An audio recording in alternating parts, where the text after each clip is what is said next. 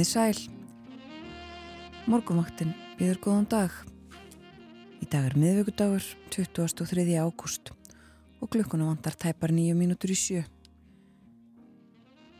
Björn Þór Sigbjörnsson og Þórun Elisabeth Bóadóttir á umsjón með þættinum í dag og við fylgjum ykkur til klukkan nýju.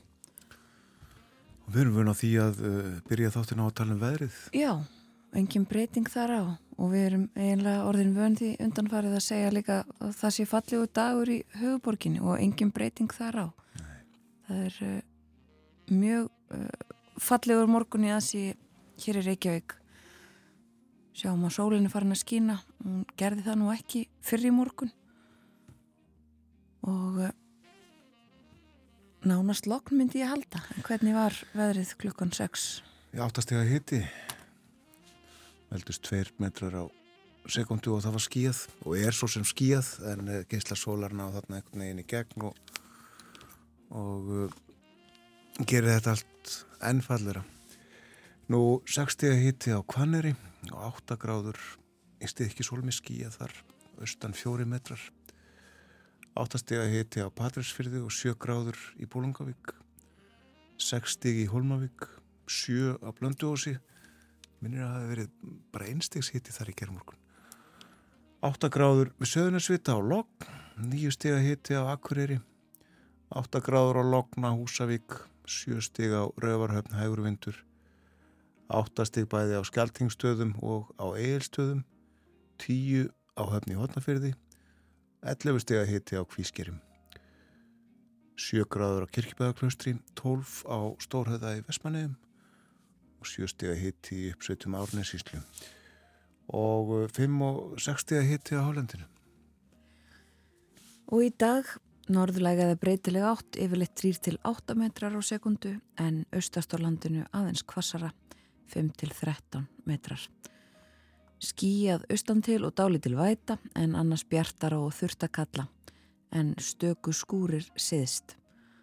Og hitin í dag viða 10-20 stygg hlýjast sunnanlands en svalara norðaustanlands. Á morgun líka hægur vindur en söðu-vestlæg átt, 3-8 og úrkomu lítið. Áfram verður skíjað austanlands en róvar til síðdegis en annars verður víða bjartviðri. Þóku bakkar þó við norðurströndina og þeiknar svo upp sunnan til setnipartin. Hittin sveipaður á morgun en línar fyrir norðaustan, segir í veðurhorfunum. Og uh, svo segir í hugleðingum veðurfræðings að á förstu dag gæti hitti farið yfir 20 stig víða á landinu. En um helgina má búast við vætusömu veðri engum sunnan og vestan til. Einmitt. Það er viðbúið að eh, geti margir hverjur allavega að baða sig núna í morgunsárið á þeirra haldið eftir skóla eða vinnu. Já. Það byrjið að leipa vatni á sum hverfi uh, um sexleitið í gerð en uh, allir eiga alveg öruglega að vera konið með heitt vatn klukkan tíu. En uh, þessi framkvæmt, þessi, skip, þessi skipti á stopp leðslum gengur vel því okkur best skilst. Og það er gott. Það er ímislegt að daska hjá okkur í dag. Eh, við tölum um efnaðasmál. Í heiminum öllum ásker Brynja verðum með okkur. Við uh, ringjum líka til Úkrænu, þar er Björn Malmqvist fréttamaður. Og svo ætlum við aðeins að velta fyrir okkur ef uh, veðu far uh, með einhverjum hætti hefði hér gríðarlega áhrif sem eh, kostamindi miklar framkvæmdir uh, viðhald uppbyggingu höfum einhverja sjóðið að grípi spyrum að því á eftir. En fyrir ekki vel á því að uh, hlusta á snóturslagum Sólaruppbrásina Það held ég. Leikum fyrsta lag morgumvaktarinnar í dag. Þetta er Nora Jones. Lagið heitir Sunrise,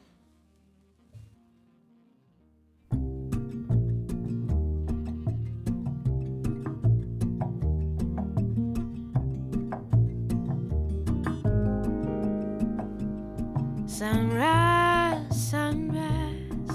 looks like morning in your eyes, but the clock's held 9:15 for hours. Sunrise, sunrise, couldn't tempt us if it tried. Cause the afternoon's already come and gone. And I said, Ooh,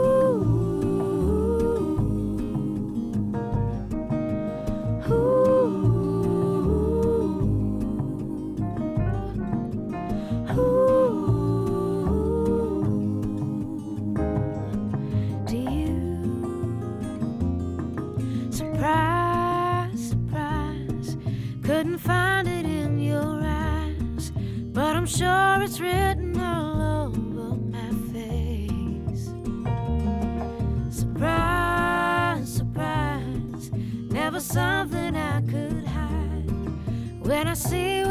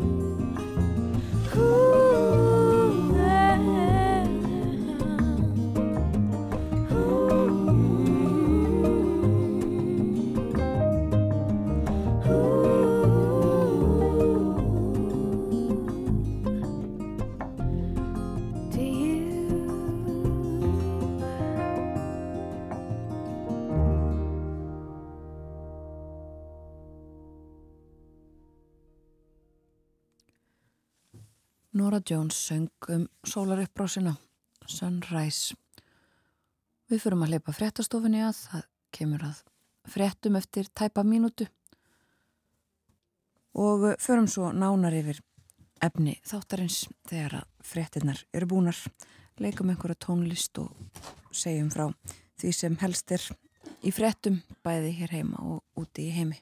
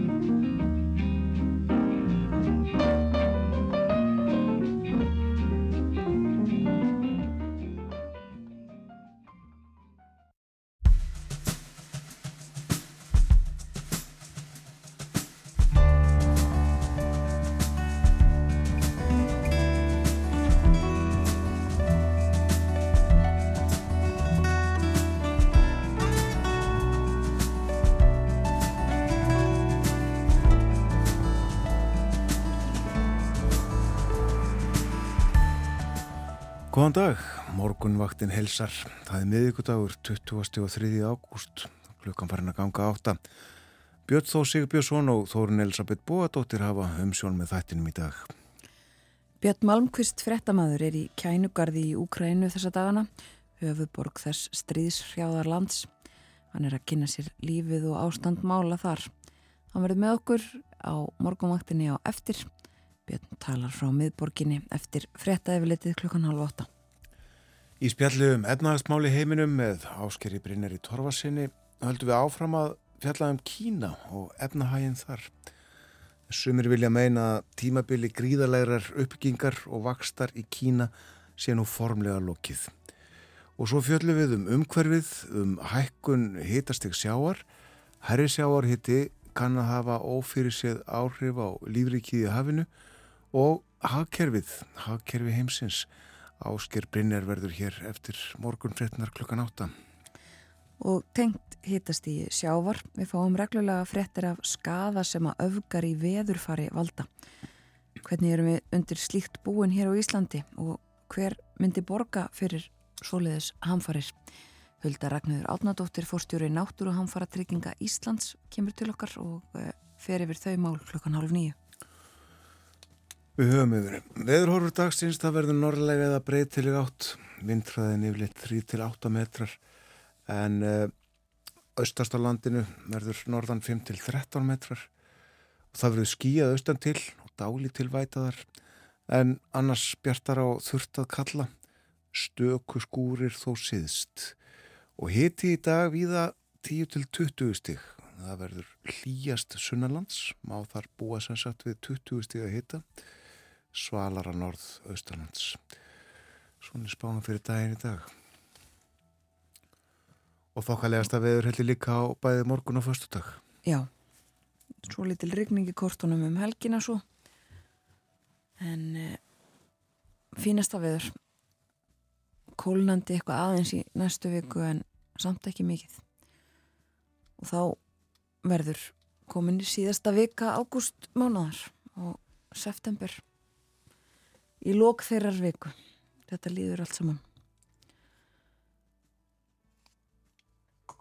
Við fylgjumst líka með uh, því sem við rættum í gerðmorgun. Uh, Þóruðsna Júliusson var hjá okkur þá og rættum meðal annars það að það er von á vaksta ákvörðun frá Sælabankanum, ekkert, uh, ekkert komið þaðan í allt sumar, það er tekinn pása í þessu yfir hásumarið en verður yfirleysing byrt og, og haldin fundur á eftir. Ímislegt að gerast á Íslandi í dag rétt eins og út í heimi.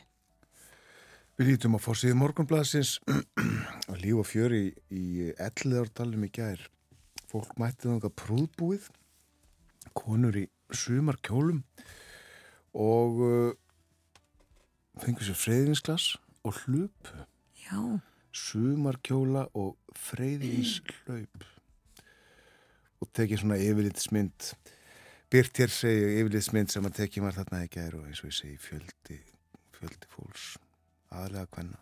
Og það er í kjólum með eh, svona blómsvegi hárinu sumar, sólgleru og freyðins glus. Og morgunblæðið eh, fjallar áfram um uh, þessa úttækt sem að sankjættiseftilitið er að gera á uh, stjórnunar og eignatengslum í sjáaritt útvegi. Málið var á fórsíðu blæðsins í gær og er hér áfram í dag og inntak fréttarinnar það að Sælabankin er ekki þáttakandi í þessari rannsókn sankjættiseftilitsins eins og getið er um eða var eða er, já Í eh, samningi þeim er gerður orð milli matvælaráðanetisins og samkettniseftirlitsins. Segir hér unna Sælabankin sver af sér aðtugun ske, sker samkettniseftirlit. Og uh, það er líka sagt frá því að, uh, að uh, ljósleðurinn sem að orgu veita Reykjavíkur á mun hafa stólist í innviði mílu við að byggja upp sitt ljósleira kerfi. Rétt hér við fórstjóra mílu. En uh, ekki gott að skilja hvernig hvernig uh, orkuveitu dóttur fyrirtækið ljósleðari sem einhvern tíma heit gagnaveitan og áður heitið einhver öðru nefni hvernig þetta fyrirtæki gætt stólist í innviðina. Já, þetta var fórstíða morgunblansins Já og aðeins út í heim. Það er fjallaðum uh, tímamóta skurðaðgerð á fórsýðum fjölmarkra ennskra blada um, greint frá því í gæra í fyrsta sinn í Breitlandi hefði tekist að um, græða leg úr einni konu í aðra úr sérsagt einni systur í aðra og fjallaði um þetta í, mjög viða í, í ennsku blöðunum í dag. Þetta séu uh, tímamót. En einmislegt uh, fleira líka á, á uh, fórsíðunum eins og yðurlega fjallaði um efnahagsmál Kína. Talaði um þennan BRICS fund sem er haldin í Jóhannesaborg þessa dagana. Og uh, fórsettar þessara ríkja, þar að segja að tvekja þessara ríkja um, á fórsíðun á Financial Time til að mynda. Fórsettar Kína og Suður Afríku. Svo síðan nefndi að veita hennum fyrirnemda einhvers konar orðu. Og uh, það er fjölda annara þjóðulegtu að bóði til þess að fundar í Jóhannesaborg fórum yfir þetta aðeins á mánudaginn. Einhver þessara ríkja vilja stækka þetta samband. Eh, önnur eru hekandi en fjallaðum þetta víða í eh, erlendum fjölmjölum líka fjallaðum uh, málefni Úkrænu og uh, ferðalag uh, Selenskís fórsetta um uh, ríki í Evrópu, hann var í Gríklandi í gær um, og fekk þar líka lofórðum uh, aukin, aukin hernaðar stuðning hann hefur verið viða í svona litlum eða minni ríkjum Evrópu síðustu daga. Töluðum um það í gerðmorgun að hann var í uh, Danmörku og og rætti þar við meðal annars Jakob Ellemann Jensen sem að var uh, varnarmálar á þeirra þar til í gær uh, þegar hann hafi sætaskipti við uh, fjármálar á þeirra og fjallaðum þau mál og svona pólitískar afleðingar á, á fórsýðum dönskublaðana í dag. Um, og fórsýðunni á informásjón er fjallaðum það að þessi sætaskipti þeim sé ætlað að uh, koma Elman Jensen úr vandræðum sem hann er í og hefur verið vegna vopna kaupa máls og uh, talaðum það líka á fórsýðun á politíken að þetta séu klók skipti uh, og muni mögulega bjarga málunum fyrir þennan forman venstri flokksins. En í því bladi er líka talað við annan ráþara, uh, umhverfisráþaran í Danmörku sem að uh, viðurkennir og segir í, uh, á fórsíðu blaðsins að það hafi hafið og umhverfismál í tengslum við hafið hafi mætt afgangi í allt á langan tíma og nú þurfum við að gera breytingar þar á um, verið að skoða uh, sjávarútjóksmál sérstaklega og uh, lífriki hafsins í politíkan þessa dagana. Í Svíþjóðir uh, fjallaðum svíja sem að eru í fremstu vilinu í Úkrænu svenska hermenn sem að ekki gáttu seti hjá, segja þau og hort upp á ennrásina heldur fóru og eru við fremstu viglinu og líka fjallaðum um, um uh, ræðilegt umfyrðaslis sem varði í Svíþjóð þar sem að fimm dóu fyrir vikunni. Fjallaðum það líka á fórsíðinu og, og svenska dagblæðet en uh, í bandaríkunum er fjallað um uh, Trump og uh, hans mál. Hann ætlar að uh, gefa sér fram á morgun í Georgíu. Hann ætlar ekki að taka þátt í kappræðum annara frambjóðunda republikanarflokksins í kvöld. Eh, þær fyrstu eiga að eh, fara fram þá eh, og Trump búin að gefa það út fyrir einhverju síðan að hann ætli ekki að taka þátt í þeim en ætlar vist að fara í stort viðtal sem verður sínt einhver staðar annar staðar í staðin en þetta er svona hitt og þetta úr erlendum fjölmjölum, við förum með þetta nánar yfir stöðuna í Úkrænu hér á eftir þegar Björn Malmqvist frettamæður verður með okkur. Hann er uh, í Úkrænu í Kív höfuborginni er uh, þar og verður með okkur úr meðborginni eftir uh, um það byrj 15 mínútur eða svo. Við ætlum að heyra eitt lag við höfum síðustu daga dreyið aðeins fram lög tónlist tónlistarfólks sem að kemur fram á jazzhátti í Reykjavík. Og þeirra á meðal er Marina Ósk Þorólsdóttir við ætlum að heyra lag sem heitir Happy Little Sunshine Beam. Lægið og textin er eftir hana af plötunni One Evening in July sem kom út í fyrra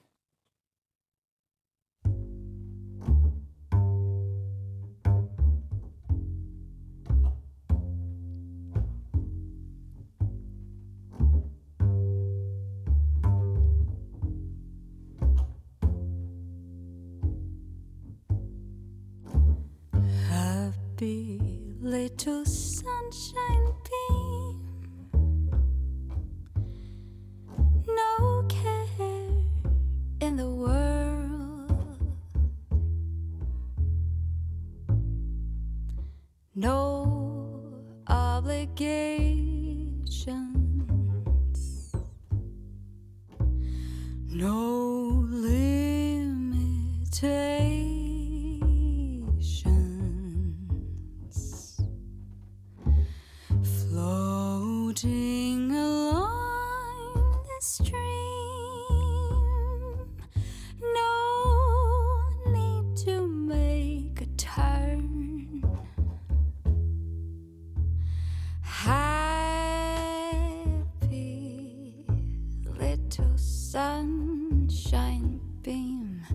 just follows along.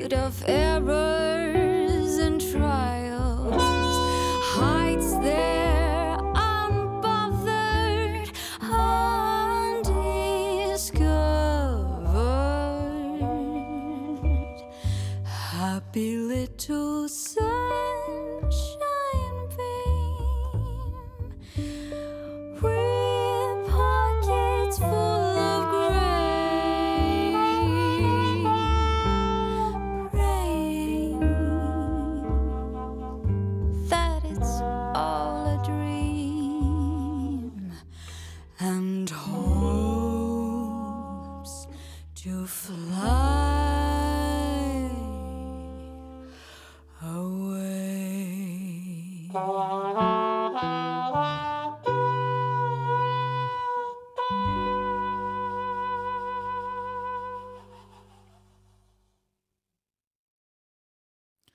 Happy Little Sunshine Beam heitir þetta lag Marina Ósk og uh, hún kemur fram á jazzháttíð á uh, förstutaskvöld en uh, við vorum í erlendum fréttum hér áðan og einn til viðbútar er frá Finnlandi.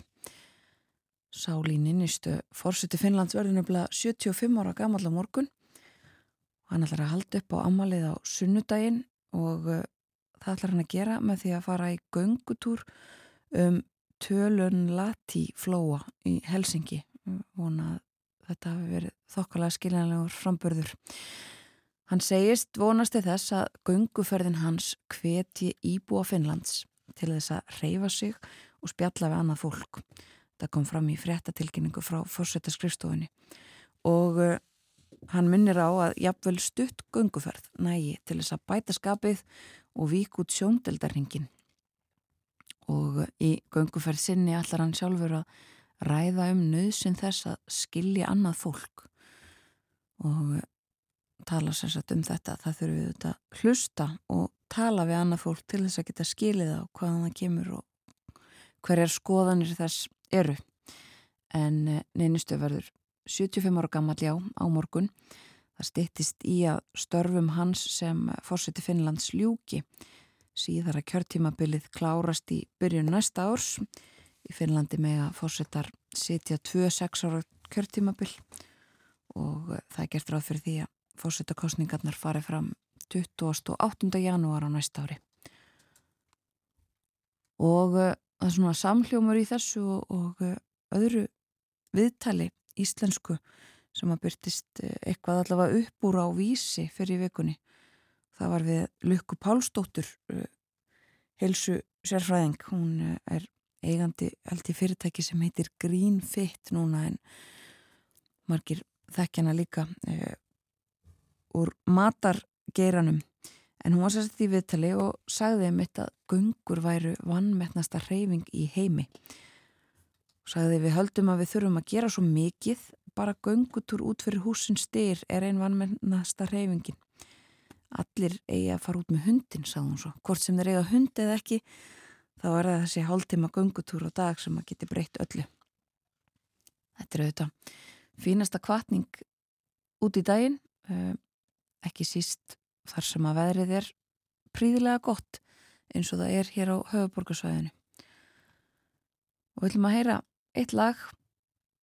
Fjalla nú ekki um uh, hversu uh, gott það er að ganga en samt um að ganga og á gangi í Memphis fekk Mark Cohn þessa hugmyndalægi það heitir Walking in Memphis.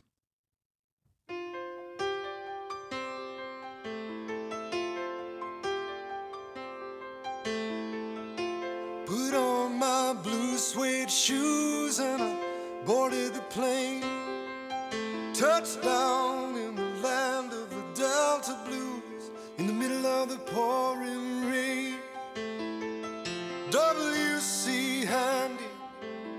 you look down over me? Yeah, I got a first class ticket, but I'm as blue as a boy can be. Then I'm walking in Memphis, just walking with my feet ten feet off a beam, walking in Memphis. But do I really feel the way I feel? Saw the ghost of Elvis on Union Avenue, followed him up to the gates of Graceland, and I watched him walk right through. Now security, they did not see him. They just hovered around his tomb. But there's a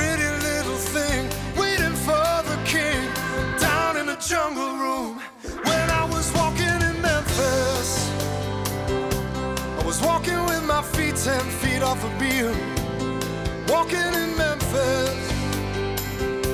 But do I really feel the way I feel?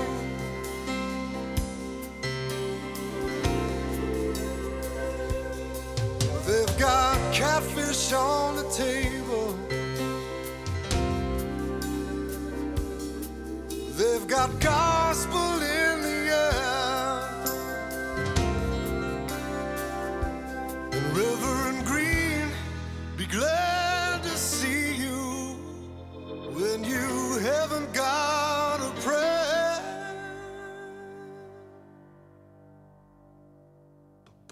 Got a prayer in Memphis.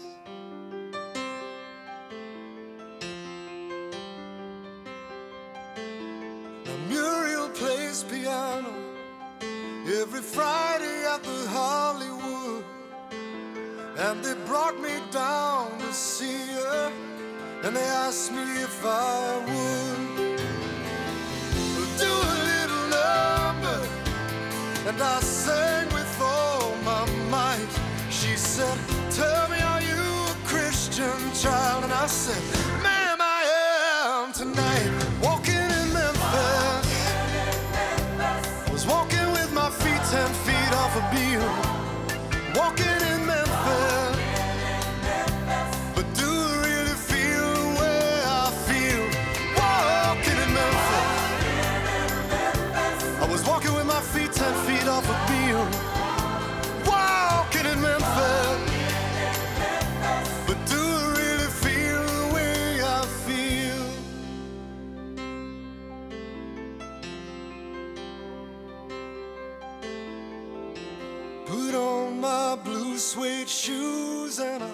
Boarded the plane. touched down in the land of the Delta Blues in the middle of the pouring rain. Touchdown in the land of the Delta Blues in the middle of the pouring rain.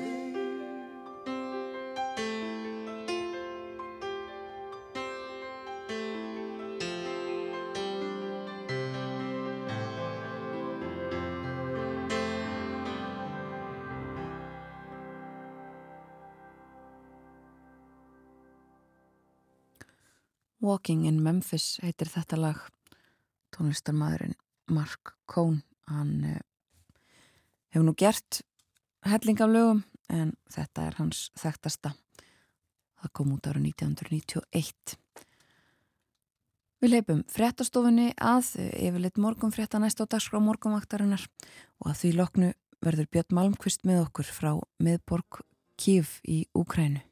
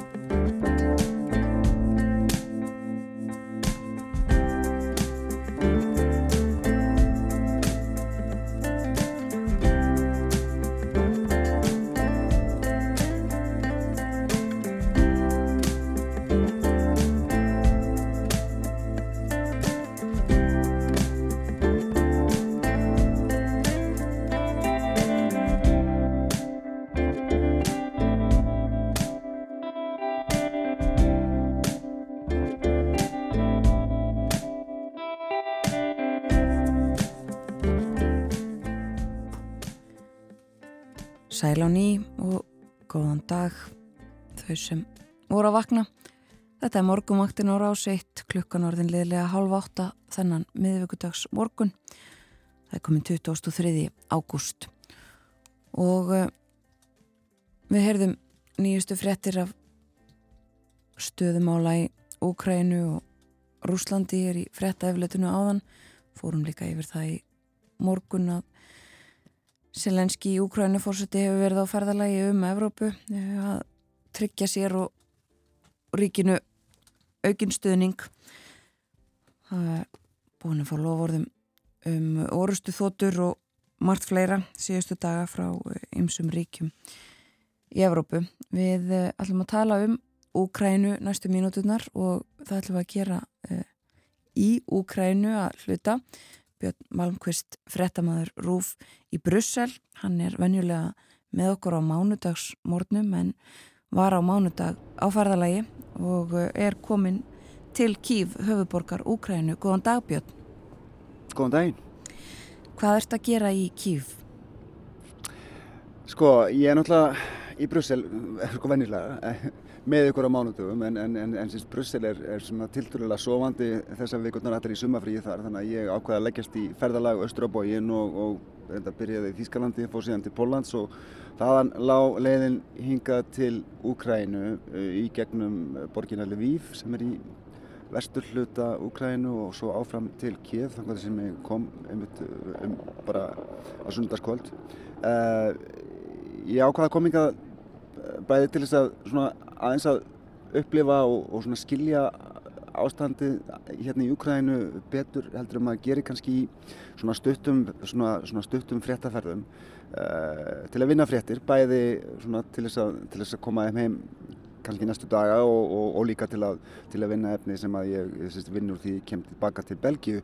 Ég valdi þennan tíma til að koma til Úkrænu vegna þess að, já, meina, það er svo sem alltaf í rauninni tími til að koma ykkar en, en það er sérst þjóðhöldjadagurinn er hér 24. ágústar sé á fymtudaginn eða sérst dagur sjálfstæðis í Úkrænu það var sérst 24. ágúst 1991 sem að Úkræna lísti yfir sjálfstæði eftir að Sovjetrikinn liðust í sundur Svo ákvörðun var samþýtt hér í þjóðrætkvæða greiðslu þar sem að 92% íbúa sögðu já, kannski ekkert ósvipað og við gerðum sjálf árið hvaða 1944 ekki sett. Já, og þessi dagur vantanlega, eða maður svona ímynda sér það að, að hann hafi fengið enn meira gildi orðin mikilvægari núna.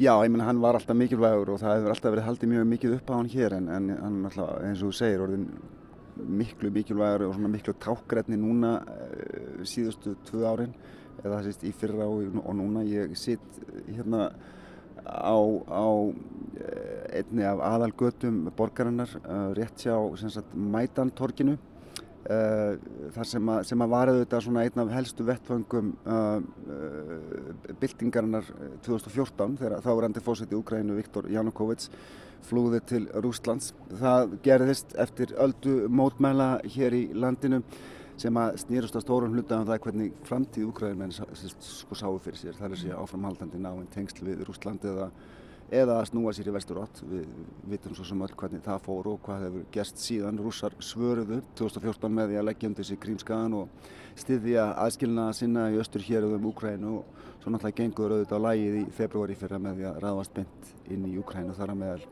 í áttina að, að kýf, að, að sérst. Akkurat, já.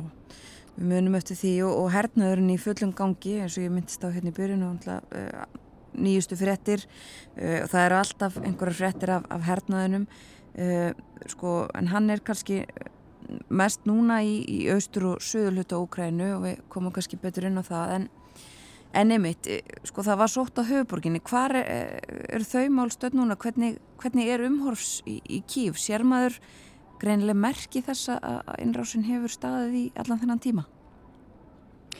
Sko, ég er náttúrulega bara búin að vera inn í svona tvo hálfan dag, þannig að ég er náttúrulega kannski búin að sjá alveg neitt alveg gríðarlega mikið af borginni nema svona miðborginna, en maður sér uh, merkið þess uh, víða uh, og kannski blasir það við mér einmitt hérna það sem ég sit á Krestjatik breyðgötunni sem að liggur í, í gegnum miðborgina fram hjá Mætantorkinu, við erum í hjarta sagt, Kíeva sjálfsögðu og í tilefni af þjóðatíðadeginum á morgun þá er búið að koma hérna fyrir miklum fjölda af rúsneskum skriðtrykkum og öðrum svona hernaðartólum, stórskotaliðsvögnum og liðsflutningabílum og, og vögnum sem að úkrænumennum tókst að eiðarleikja á fyrstu vikum innarsannar þegar, þegar rúsar sóttu að Kív og öðrum borgum. Þetta var líka gert hérna á þjóðatíðinum í fyrra, það var um eitt þessum já, kannski sömu vögnum eða einhverjum öðrum stilt upp hérna á breykutinu og fólk er að labba hérna fram hjá og virða þetta fyrir sér. Þetta það er endur ennþá svona lauruglugjæsla í kringum uh, þessa, þessa, þessa útstillingu hefa svo má segja. En þetta verður allt saman opnað hérna á fymtudaginn og, og, og uh, þetta eru náttúrulega svona mjög sterk skilabóð sem er verið að senda um, um hvað Úkrænuminn hafa geta gert, hvað þeir gáttu gert gegn sókn rúsa og þeir eru kannski líka að senda rúsum fingurinn eða svo má segja, það er mitt sagt að stjórnvöldi í Moskva hafa ætlað, ætlað sér að halda sigurgöngu einmitt á þessari breyðgóti hérna í hjarta Kiev. Og, og með því að stilla upp, eigum að segja svona allavega að hluta af leifunum af þeirra innrása sveitum í fyrra þá eru Úkrænumenn svona á, á vissunátt að hæðast að, að, að, að þeim áformum. Já, já, við nú verið talað um það einmitt að rússar hafi uh, gert ráð fyrir því að taka kýf bara yfir á, á ekki lungum tíma. Já, það stóð til að, og svona allt bendir til þess að þeirra áallanur hafi snúist um það að, að þetta myndi bara vera yfirstæðið eftir nokkra daga. Hersveiti voru sendað með takmarka vistir og, mm. og, hérna, og sagt að þetta myndi taka skaman tíma. Um, svo náttúrulega var það náttúrulega alls ekki raunin og við sjáum hvað hefum við gert síðan. Þetta er svona orðið þrátefli í östur og söður út af landsins og kannski komin að það eftir. En sko, veist, maður þarf ekki að labba nýtt víða henni í Kiev til þess að sjá að, að það er það er stríð. Ég, mena, ég sé ja. sandpoka fyrir framann byggingar, fyrir framann ráðuniti, eh, það er búið að pakka merkilegum stittum og minnismerkjum viða um borgina inn í sandpoka og svona, svona búið að slá skjaldborg utanum þau. Eh, það má, sjá, það má líka sjá þessar myndir á, á dagbókafæslu sem ég, mynd, sem ég byrti á Rúf í, í gær. Uh, ég lappaði bara, það er bara rétt hjá íbúðunum minni, sko, þar er Þar var búið að hlaða upp svona skriðdreika gildum og, gildrum og steipuklumpum sem að voru ljóslega greinlega nota sko, til þess að, til þess að hérna, hamla umferð hernaðartækja um, um borgina í, í massi fyrra og februar Já. og það er standa bara þar eins og einhvers konar minnismerki og svona fólk bara lappa fram hjá þau og blikkar ekki auða og svo kemur maður sjálfur sem gestur hérna og finnst þetta alveg ofbúslega merkilegt og, og hérna Já. en það verður eins og var að segja sko að, að Kív er orðin örugari fyrir loftarásum heldur en hún var í, var í upphafi það er að segja Úkrænuminn er, er orðin betri í, því að skjóta niður eldflögur og dróna og þeir hafa líka fengið eldflögakerfi þar á meðal þessi títnemndi Patriot eldflögakerfi frá bandaríkjamanum og reyndar líka frá þjóðverjum sem að, sem að venda höfuborgina en, en en hérna er hljómasamt loftvarnaflötur alveg reglulega sko. Já, hafa þær hljómað núna síðan að þú komst? Já, ég er búin að heyra í þeim tvísvar síðan ég kom á sunnudagskvöld eh, það var á hvað aðferðanótt mánudags einhvern tíma skömmu eftir minnætti og svo bara um, um hádegið í gær uh, sko það hafa allir sem ég hef talað við hérna sagt mér sérstaklega svona ennbættismenn og slíkt það var sagt mér að þú, þú veist, ef þú heyrir í þeim þá voru að leita skjóls uh, farandir á bakvið hús eða, eða inn í hús eða, eða, eða niður í sérst, lestastöðina en, en hérna sko fólk hér, ég meina, þú veist, fólk hefur náttúrulega ótrúlega aðlöðunarhefni og, og hefni og raunið ímsu vant hérna í Kiev og, og það veit sko venjulega upp á hár við hverju er að búast sko og hvort það sé ástæða til þess að gera einhverjar ráðstafanir. Ég stóð út á, á götu mitt um hádegið í gerð þegar þetta byrjaði að gjalla og hérna það bara blikkaði henginu auða og lappaði bara áfram og ég var svona, ég var svona aðeins að spá í hvað ég ætti að gera. Lappaði allavega svona bak við húsvegg og svo var mér sagt að bara nokkrum mínutum síðan þetta hefði verið svona almenn viðvörðum um sprengjuflugvel rúsa sem var að taka á loft. Þetta var ekki semst viðvörðum um, um, um, um eldfluga árás og, og þetta sjá íbúar bara um leið á, á tilkynningum sem að koma á samfélagsmiðli sem heitir Telegram sem heitir Telegram sem allir eru með hér, það er bara eins og hvað veit ég, Facebook heima eða eitthvað. Og, og þannig að sko viðvaranir geta verið af ymsum toga og, og fólk svona haga sér eftir því. Og svo er bara fólk búið að læra að lifa með þessari svona hvað við segja, ógn sem er alltaf einhvern veginn í bakgrunninum en, en en fólk svona gerir sér farum að reyna að láta það ekki að hafa áhrif á sitt daglega líf. Já, eins og segir, aðlunarhefnin er ótrúleg og eitt og halvt ára liðið. Hún er það. Já, en uh, sko, þú nefndir það í upphafi að, að, að þú valdir þennan tíma ekki síst vegna þjóðtíðadagsins eða sjálfstæðisdagsins uh, sem að er á morgun 24. ágúst. Uh, hvernig verður hann? Það er veintanlega ekki verið að skipulegja fjöldasamkomur eða hátíðahöld mikil.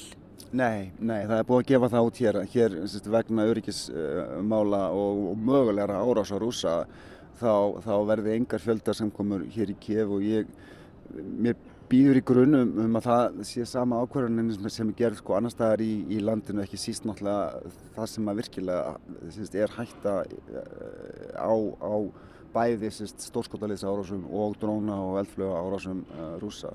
Um, það er bara mjög einfalt. Uh, þessi uppstilling hér í miðborginni er það sem að er sem að verður í rauninni í bóði hér í Kíf á, á morgun annars, annars, veist, ég menna hér hafa verið sko 10 og 100 þúsunda manna í miðbænum til þess að halda upp á þjóðategin á, á, á liðnum árum en, en það er ekki núna. Nei, akkurat. Og þú sittur þarna og, eða ert í miðborg Kíf og, og, og þú byrtir dagbúkafæslu eins og þú komst aðeins inn á áðan, það er hægt að sjá myndir Uh, og, og ætlar að halda áfram að segja frá í, í svona dagbókarformi inn á rúf.is en sko borgarbragurinn er hann bara líkur því sem að er í öðrum evrópskum borgum? Ég menna fyrir utan sko letrið og auglýsingum og, og skiltum sem er alltaf kýralísku og ukrainsku uh, þá er bara borgarbræður hér ég menna ég geti þessna vera að lappum í Berlín sko, kaffihúsun eru opinn, þú veist það er allir út á götu uh, menna þú veist það er allt í fullum gangi hérna bílaumferð og svona bara, bara svona vennjulegur evróskur stórborgarbræður allavega sem sagt á yfirborðinu, maður sér það er örgiskesla svona víða, maður sér kannski ekki hermenn út um allt en maður sér láreglu og maður sér svona hermenn, það eru líka hérna hermenn að lappum bara sem eru greinilega bara í einhverju fríi og hérna svona menn sem eru hérna röldum í, í búningi og eru svo sem bara að skoða sig um sko. Mm. Um, hins vegar þá þarf maður ekkert að fara með neitt mjög djúft í samræður við fólk hérna til þess að, til þess að finna að, að, þessi innrás og þessi átök þau hafa snert bara nánast alla hér í Ukræna ég, bara, ég, veist, ég var að tala við strákendi í gerðkvöldi sem að bara í svona stöttur spjalli, hann var að segja mig það að sko, hann bróður hans er sérstu ukrænskur, hann er núna búin að vera á krímskaðanum í rauninni lokaður þar inni í marga marga mánuða því hann er ekki með sko papýra og, og getur sér einlega hverki hreift og hérna bróður hans veist, er í svona sambandi við hann óreglulegu á samfélagsmiðlum og og hann kemst ekki til börstu og, og, og hérna, þú veist, það eru fleiri svona, það eru miljón svona sögur í Ukrænu um, um fólk sem að uh, hvers ástvinnir hafa tekið þátt í, í, í hernaðinum, uh, fallið, uh, þurft að flýja herrtekinn svæði, rúsa, ég meina ég var að tala við strák sem að býr í húsinu, sem er skrifstofu í húsinu þar sem ég bý, hann vinnur fyrir sjálfbóðulega samtök sem að stiðja við sérst, flóta fólk af herrteknusvæðunum, það eru hundruðu þúsunda Ukrænumanna sem eru ennþá í þeirri stöðu, ég menna það er fullt af, þessi stór partur af því fólki sem að flúði e, innrás rúsa, það fór ekkert til útlanda, það fór bara til annara borga og, og svæða í Úkrænu og það eru, hundru þúsund, jafnvel miljónir sem eru, sem eru ennþá í þeirri stöðu hér innanlands, ég ég var í Lviv á laugadaginn, það er líka alveg ofubóðslega falleg svona gömul mið-evrósk borg og það er bara óbúslega mikið mannlýðar það er líka það eru týjir þúsunda flóttafólks sem, sem að hafa dvalið þar undanfarnar mánuði. Já, um mitt og, og maður var... sér þetta ekkert endilega sko, veist, sem gestur, þú Nei. kemur í nokkra klökkutíma og þú sér þetta ekkert endilega þú veist, bara með því að lappa um gödundar hvað er í gangi, þú verður að kynast fólki og tala við fólk og, og skilja betur ástandið og skilja betur svona merkið þess sem að, sérst, merki áhrifana sem að, sem að hafa orðið hérna í landinu og það eiginlega gerir maður ekkert nema bara einhvern veginn að reyna að, að vera hérna í svolítinn tíma. Sko. Já, vera þarna og tala við fólk eins og þú sagðir. Já, það uh, skiptir máli. Já, og, og þá er grund á þessum sögum eins og þú komst inn á. Uh, allir með einhverjar sögur og, og tengingar. Akkurát. Um, Hvað með ef við tölum aðeins björnum svona nýjustu frettir af uh, málum af, af stríðinu? Uh, við myndust á hérna áðan uh, ferðalag Selenski hann er yðurlega á ferðalagi og að hitta aðra þjóðhauðingja og leðtoga og fá aukna aðstóð en hvernig er umræða um, um þessa hluti í Úkrænu og til dæmis þessi gagsókn úkrænumanna sem að hófst í sumar og er svona mikið talað um alþjóðlega Hva, hvernig eru þessi mál rætt í Úkrænu? Sko sko af skoðanakonunum að dæma sem hér eru gerðar og, og, og hérna maður allavega, þú veist, ef maður tekur þær trúanlega sem ég held að sé engin ástæð til að gera ekki þá er mjög mikill almennu stöðningur við stefnustjórnvalda við sagt, þá í rauninni hörðu stefnu Selenskís og hans stjórnar um að gefa ekki eftir í sko, samningavirðaðum, gefa ekki eftir land. Það var, var hörðu viðbröð gagvart til og með orðum uh, embatismanns hjá NATO um daginn sem, að, sem, að, sem einhvern veginn skaut þeirri hugmynd á loft um að, um að Úkræni ætti að semja um, um frið og land gegn því að fá aðelda NATO. Það var, það, því var ekki mjög vel tekið hér. Um, það er hins vegar sko ég held að sé kannski bara svolítið þreita uh, í, í fólki hér. Ég meina það er að, að allir mjög einbeittir einmitt í sko að styðja sagt, uh, hernaðaraðgjörður Úkrænum það styðja allir hérinn uh, en sko það, það eru fréttir af því að það hefur svona ef að segja gengið kannski ekki eins vel síðustu mánuði eins og ég upphafi innráðsræðinar að, að, að, fá, að fá, fólk, fá, fá fólk til að, að ganga í, hersveitir. Eh, það er verið, það er, það er fréttir af spillingu í, í, í, í þeim um, stofnunum ríkisins sem að sjá um að um, um, uh, skrá menn og konur í herin. Uh, fólk hefur verið að reyna að komast úr landi, það hefur verið að reyna að múta sér leið fram hjá því að, að, að sinna, sinna herskildu en, en ég held að svona, svona, svona heilt yfir þá er þá er ennþá mjög djúpur og almennur stuðningur við stefnustjórnvalda og mjög djúpur og almennur stuðningur við það við, og í, í þessu endstaða við, við, við rúsa eh, þetta kannski sér maður ekkert endilega svona neitt eins og ég segi í upphafi en, en ég held að þetta sé sko almennt og djúft, djúft viðhorf hér og hafi ekkert, ekkert breyst mjög mikið á undanförnum mánuðum. Þó svo að það sé kannski, e, þú veist, ef ekki vonbreið þá allavega ekki jafn mikil gleði eins og fólk var kannski að vonast eftir eh, með þessa gagsóknar aðgerði sem að hófust í, í júni.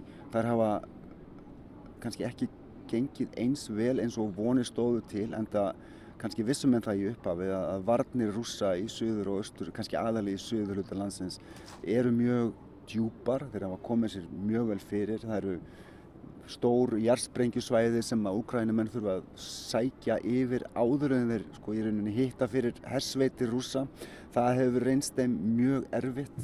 Eh, það eru fréttir af því að bandarækjaman og breytar séu með einhver tilmæli um að breyta strategíu úkrænska hersins á þess að ætla að fara að stjórna þeim eitthvað mm. en, en hérna eh, en það er svona já, menn eru kannski menn, menn, menn höfðu vonast til þess að gagsóknin hefði gengið betur og, að Ukrænumenn hefðu hefði tekist að, að vinna sér meiri landsvæði tilbaka núna heldur en, heldur en raunin hefur orðið. Að því að það er líka að talað um að sko, þetta er kannski sko, glukkin, glukkin til þess að vinna á fer minkandi það fyrir að rigna veist, eftir einn og halvan, tvo mánuði. Já. þá breytist allt í leðju. Veist, þá er erfitt að reyfa hernaðar skriðdrega og hernaðartæki þá er, þá er kannski hætt við að, að, að staðan verði einhvern veginn þannig veist, fram eftir vetri þannig til að fyrir að frjósa. Allt þetta svona, kannski spila svolítið að vissuleiti með rúsum sem vilja held ég sko, bara frista þetta uh, og einhvern veginn að tíminn vinni með þeim. Úkrænumenn uh, vilja árangur sem fyrst og eins og þessi stráku sem ég var að tala við hvers bróðir er á Krímskanum hann var að segja mér það sko að, að hérna, svona í hans vinahópi þá, þá væri þú veist menn væri svona svolítið ekki að missa móðin en þeir væri svona þeir, þeir væri svolítið svona já þeir, þeir hefðu gætna vilja sjá meiri árangur fyrr. Já.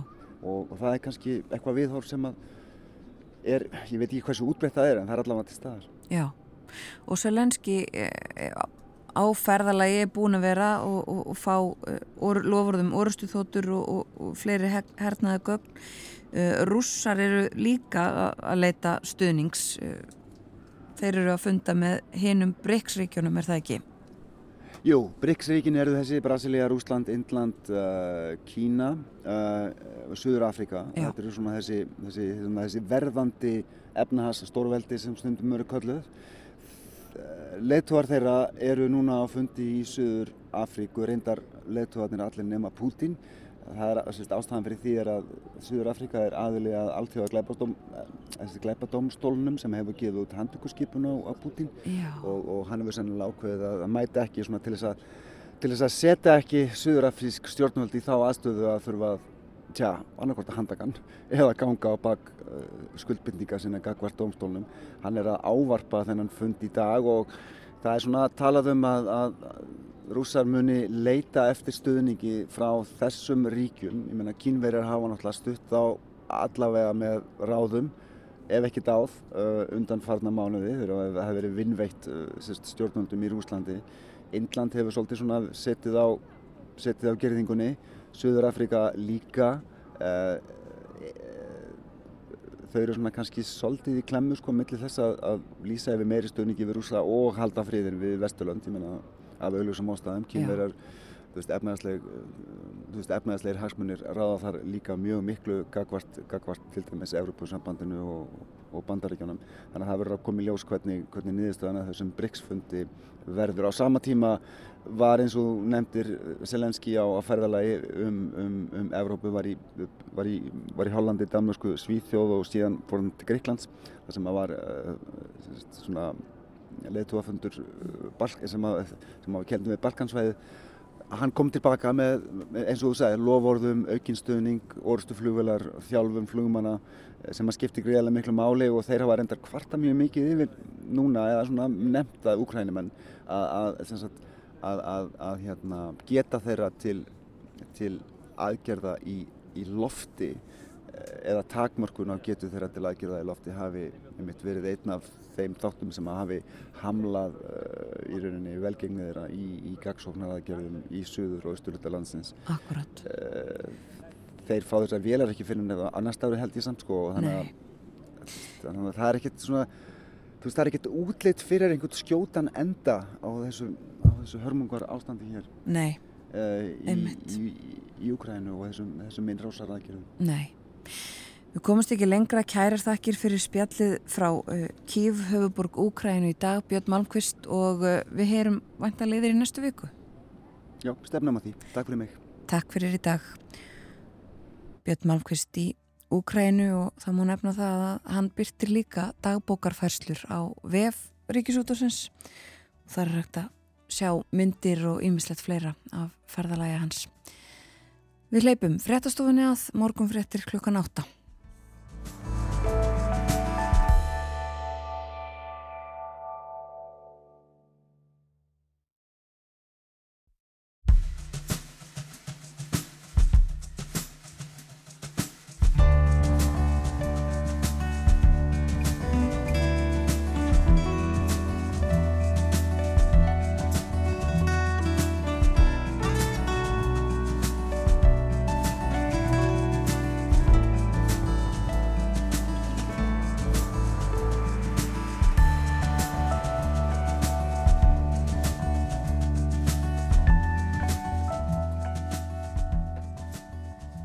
Sælóni þeir eru að hlusta á morgunvaktina á rásitt klukkan tæpar 6 mínútur gengin í nýju þannig miðugudags morgun það er 23. ágúst í dag.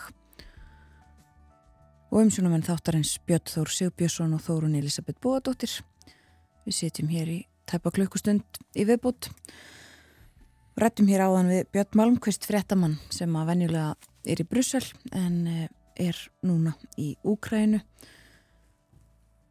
töluðum við hann e, þar sem hann satt í miðborg Kív kænugards höfuborgar Úkrænu og e, hann verður þar áfram í Úkrænu þar að segja kynir sér stöðumála og ástand og valdi ekki síst þennan tíma e, vegna þess að á morgun 24. ágúst þá er haldið upp á þjóðhóttíðadag eða sjálfstæðis dag Úkrænu þannan dag árið 1991 eftir, eftir fall Sovjetríkina sem að Það var gert en eh, eins og Björn fór yfir með okkur að þá voru ekkert um hátíðahöldið en eitt slíkt í Úkrænu en dagurinn enga síður orðin ennþá mikilvægari í kjálfar innrásar rúsa í landið.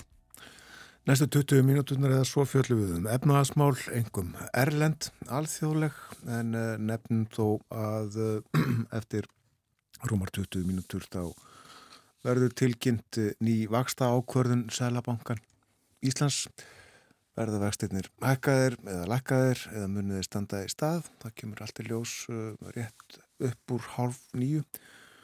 Við komum kannski inn á þau mál hér á eftir en áskiprinja Torfarsson er söstur hjá okkur. Góðan dag. Góðan og blessaðan daginn.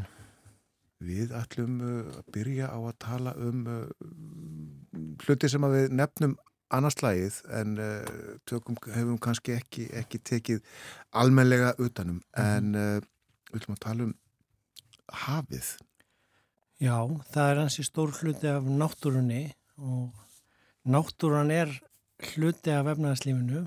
Hún er þess að orðin aðili máls núna formlega samkvæmt alþjóðlegum reikningsskilastöðlum síðan í sumar. En ég ætlaði nú ekki að tappa mér hún í það en, en hérna það kemur grein í vísbendingu eftir mig á förstæðin um það svo ég plöggi því en, en sem sagt uh, það er í raun og veru hefur náttúrulega kapital eða auðurinn í náttúrunni sem er núna í þessum sjálfbærni stöðlum sem eru að flæða yfir viðskipt á efnaðarslífið uh, og munu taka gildi bara strax á næsta ári að, að þar Eh, er ekki lengur nóg að skila bara skýslum um eignur og skuldir, kostnað og gjöld heldur er núna sjálfbærnin orðin svona sérstakur liður í tungumáli viðskiptana sem reikniskilin eru og, og, eh, og það eru komin í fyrstu tveir alþjóðlegu sjálfbærnistalanir og, og það er náttúrulega orðin aðli máls en ekki, en ekki einhver, einhvað fórnarlambara sem viðskiptalífið nýtir sér án, án þess að þurfa að netta standa rekniskil gjörðana en, en, en já, mér fannst það mjög merkilegt það var stór úttækt á þessi Blumberg fyrir mánuðinum. Já, það er auðvitað merkilegt út af fyrir sig að, að umhverfismálinn, lofslagsmálinn þetta er komið inn í viðskiptapressuna. Já, að, að þetta er í raun og veru Já, lofslagsmálinn er náttúrulega búin að vera það sem hefur leitt þetta en, en það, við erum að munna það, umhverfismálinn er ekki bara loftslægit og við erum að sjá og finna mest fyrir því núna. Guterres var að tala um að við höfum komin út úr tímabili, hann fara hlínunar og inn í bara hinn, e, sjóðandi heita heim eða við erum komin að söðupunkti og, og, og maður sér það svolítið í hafinu þegar að maður uh, já, lesi gegnum þessar greinar í viðskiptablöðunum og Washington Post líka var með en, en, en, en þá eru já, vísendin sem fylgjast með og mæla og hverju ári, jável í áratugji aftur í tíman að, að það er búið að vera þannig núna að bara hitastig sjávar yfirborðshittin og meðalhittin er búin að vera mjög langt frá meðaltölum og vera hækkandi líkt og að júli er búin að vera heitast í júli í loftslæginu á, á mælingum að þá er líka júli búin að vera heitast hitti sjávar hitti í meðarhafinu frá því mælingar hófust. Meðalhittin þar var e, næstuði 29 gráður í júli og verður herri í ágúst í það er heitast í mánuðurinn. Já. Já, það verður svona rosalega heitt. Já, þetta er bara eins og Íslands sundlög sko, og, og við sumar eigarnar og það sem er grinnra, því þetta er meðaltalið, það er hættulegt með meðaltal þarna eins og í efnagstölunum að Þar getur þetta farið upp fyrir 40 gráður og eins og við Sardíníu var, var bara 43 til 48 steg hitti. Þetta er orðið heitar en heitipotturinn í Vestumæluðinni.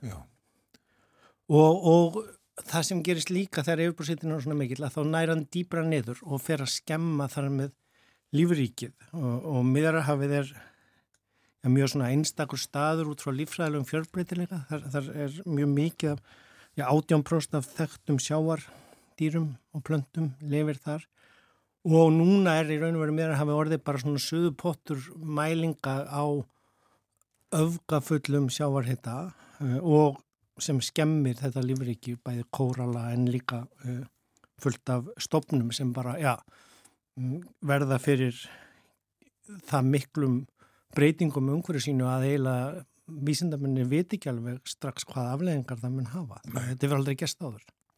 Og þetta er ekkit að hækka snöglega í einu mánuði, þetta er leitar allt upp að við og, og þetta að við um öll höf heimsins eða? Já, í Washington Post-greininni þá var uh, farið út fyrir meirahafið og bara, já, meðal hitti sjáur í heiminum er orðin munherrinan hefur nokkur tíma verið og hita bylgjur í hafinu, það er ekki bara í loftslæginu, heldur í mældar hita bylgjur í hafinu sem er nákannski til svona 10% yfirbor sjávar á, á svona sumar mánuðunum er núna um 44% af yfirborðunum með hittabilgjum og þarna er núna verið að rannsaka hvernig þetta hefur áhrif á hittabilgjunar á landi og skóareldana þannig að lífkerfið og náttúrann hangir náttúrulega saman eins og, eins og við vitum í visskiptalífun og vöruflæði að, að þetta, þetta er hins vegar sko orðið það mikið núna að Norðurallandsafsmælingin sem að Washington Post fjallarum að þar er hitasti á hverjum degi síðan í lokumars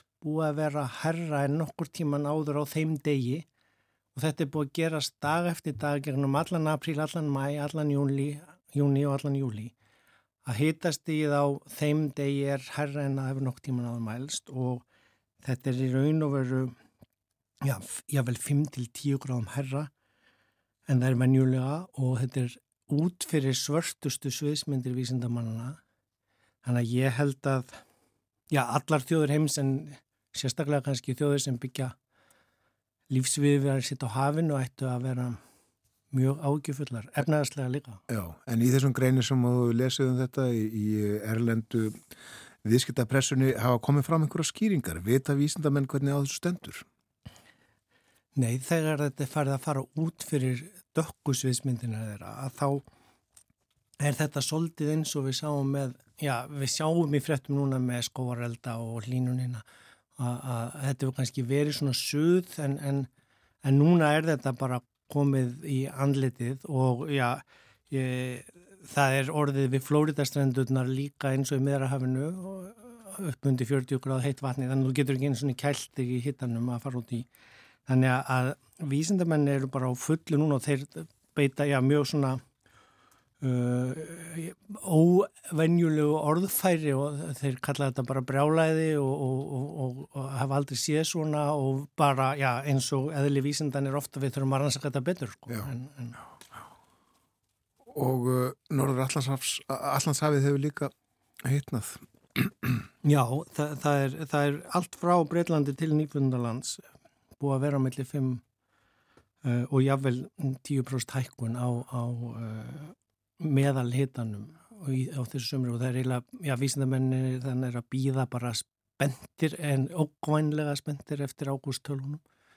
Því að undir lók sömarsins er þetta náttúrulega venjulega toppunum náð og sáum, ég sá í, í Blombergi ger líka svipaða frettir úr, úr öllbónum varðandi sko, fjöllin og jöklana að þar er mælt hvar er í hvað hæð er 0 gráðu hittin eða frostmarkið, við erum að tala um suðmarkið þannig er við sjóin og svo frostmarkið að það er komið upp í 5.000 metra hæð núni í júli í Ölbónum sem þýðir að er fyrir ofan Montblanc, þar sé allir jöklanir í öllum Ölbónum eru í uh, hita en ekki frosti þannig að þeir eru allir að bráðna og uh, þetta er eitthvað sem hefur aldrei sést áður. Þannig að það er allavega komin tími til og kannski full seint en, en nú er það orðið allavega samþygt í alþjóðlega reikningskilastöðum að það verður að taka tillit til þessara umhverfist þátt í reikningskilunum og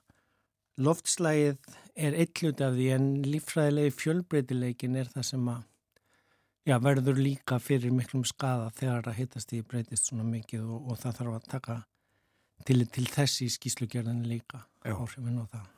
Og fjöldum kannski betur um þessi mál setna en uh, nú ætlum við að fara til Kína uh, og uh, þeir eru til sem að segja þessu langa og ótrúlega vakstast í Kína þessari útþenslu ríkisins hvernig borgir hafa orðið til 1, 2 og 3 nánast þessu skeiði sér lokið?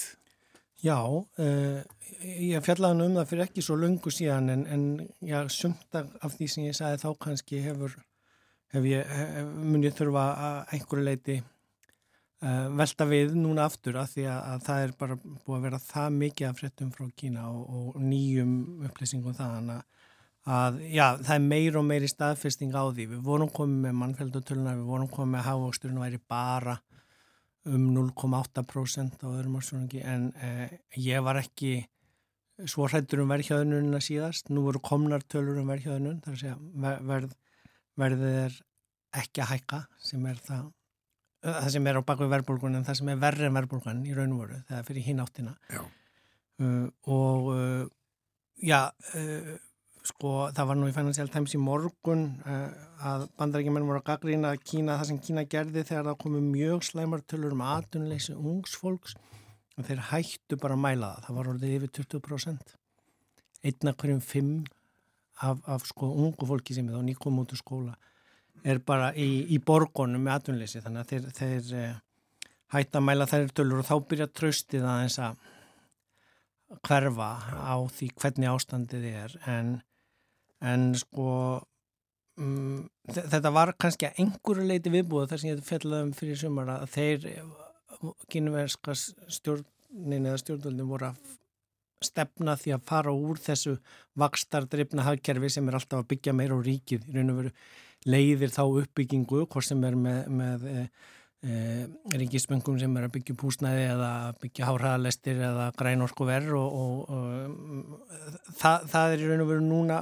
að reyna að verða svona e, neyslutir yfir hagkerfi eins og, eins og hinn mörgum Evrópsku eru. En, en það, það er bara svo rosalega mikill munur á, já, ef við, ef við berum saman, við vorum nú að fara yfir þessi stærstu hagkerfi heim síðast, ef við berum saman þessi tvö stærstu sem eru langstæst, Bandaríkin og Kína uh, töluna voru hann að 25 og 18 triljónir dala að, að sko það er, það er svona eins og stóri bróður og litli bróður þeir eru langt, eða, eða tveir kvalir af mismöndi stærð þegar hinlöndin eru síðan einhverju svona smá selir.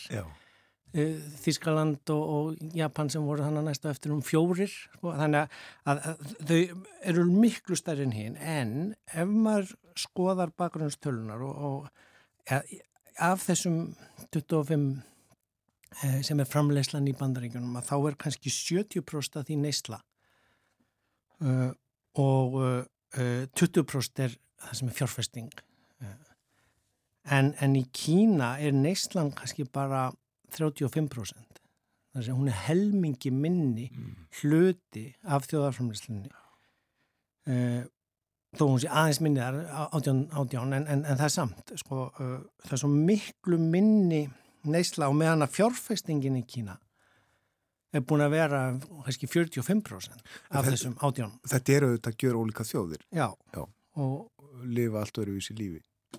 Og síðan erum við núna að sjá þegar verður svona breyting, það er allir búin að vera að kaupa sér íbúð og ég vel þessi fastegna uppbyggingar fyrirtæki hafa verið, hálfgerið bankar, þau taka í raun og veru við innstæðum fólk, þú borgar inn á íbúðina sem er ekkert farið að byrja að byggja, geimi peningin bara þar í, í útborgunni eða inn á borgunni og uh, já, það er náttúrulega búið að flytja 500 miljónir manns á þessum síðustu þreymur áratöfum úr sveitum landsins og fátækt í nýjar vestrænar uppbyggðar borgir. Uh, en meðan á því stendur getur haft fínan hávöxt og, og mikinn vöxt og, og Svo er það þetta þegar það þarf að skipta um gýr að það er alltaf svolítið erfitt í hagkerfinu þegar það er breytt úr einu ástand í annað og, og það er í raun og veru bara það sem við erum að, að horfa upp á núna í, í sko öllum þessum tölum að Neislandar er helmingi mínu tóður einir aukana að sko þegar það koma síðan líka slæmar efnars tölur og fólk vitt kannski frekar spara að þá er, er neyslan að breytast svo lítið? Þú, þú, þú uh, sko uh, færð ekkit fólk skindilega til að fara að eigða miklu meira í staðin fyrir að kaupa sér íbúður eða bíla að sko og þó að Kína sér stæsti margar í heimi fyrir luxusvörur þá er það bara ríkasta 2% eða 5% Já. en þau eru bara svo mörg þannig að það verður stæsti luxusvörumarkaður í heimi en, en, Það er ekki verið að selja almenningi einhver pallaefni og hjólhísi og eitthvað slíkt Nei, það, það er ekki e, sko að, að ganga eins og skildi og jáfnvel þó þeir hafi sko staðið sér mjög vel í grænvæðingunni þeir, og nefndi ramagsbíluna síðast að þeir eru með fimmfalt meiri fjárfestingu en bandaríkin og, og í orkuskiptunum og end, endur nýjar orku þá, þá þeir eru, eru tvisa sem er stærri en bandaríkin og Evrópa til samans.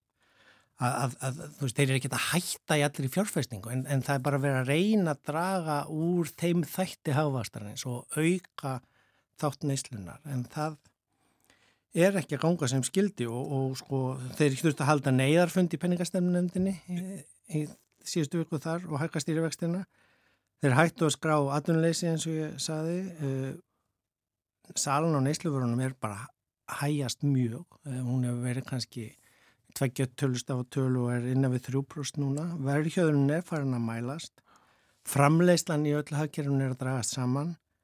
Útflutningurinn er að minka uh, gjaldmeilin júanin er farin að falla á spandaríkjadólar bankalón eru þau minnstu sem hafa verið í 14 ára þannig að það eru allir mælar sem er að sína mjög neikvæð merki þannig að já, þetta er, þetta er ekki gott þegar við erum að tala um næst stærsta hagkerfi heimi sko, sem hefur svona, já, drifið bæði hávöxtinn og, og svona nokkra af strokkum efnagsvelarinn. En uh, kunum einhver ráði Kína til þess að bregðast við þessu? Þar vilja menn vantilega halda sjó og Já.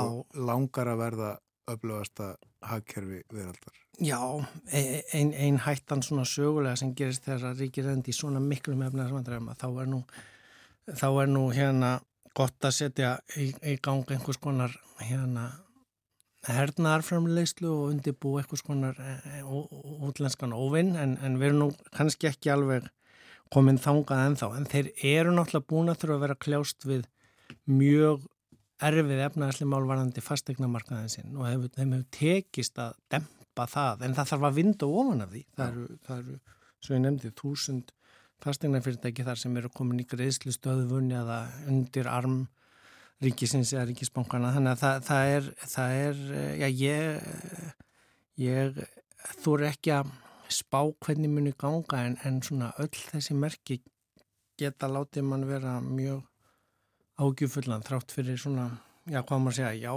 hinn ímsu jákvæði merki sem hafa verið að bera staðan. Þeir eru stundur sæður hugsa langt fram í tíman og, og skipilega sig en uh, þetta hefur farið eitthvað öðruvísi heldur að þeir, að þeir skipulöðu, ákváðu ætluðu.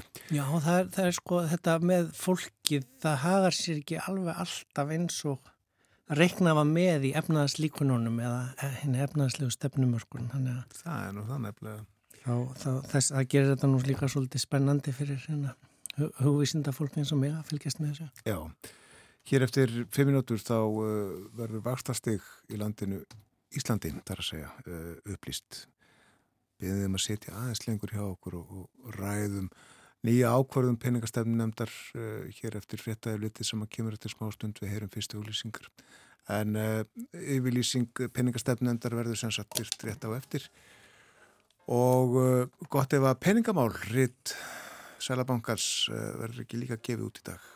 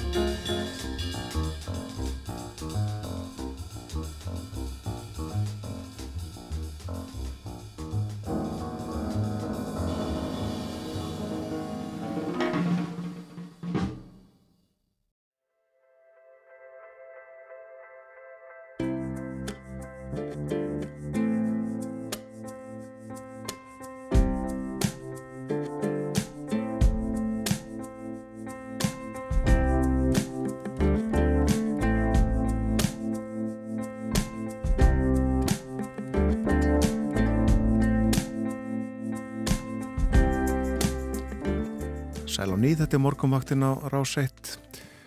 Tilkynnt hefur verið um uh, vakstahækkun, peningastefnunemnd Sælabankans hefur hækkað vexti um 0,5% og uh, eru því megin vextir í bankans þar sem heita vextir á sjödaga bundnum innlánum 9,25%. Áskeppirina Torfason, hagfræðingur situr hér hjá okkur en þá uh, þetta er nú svona meði meira sem að búist að við eða ekki?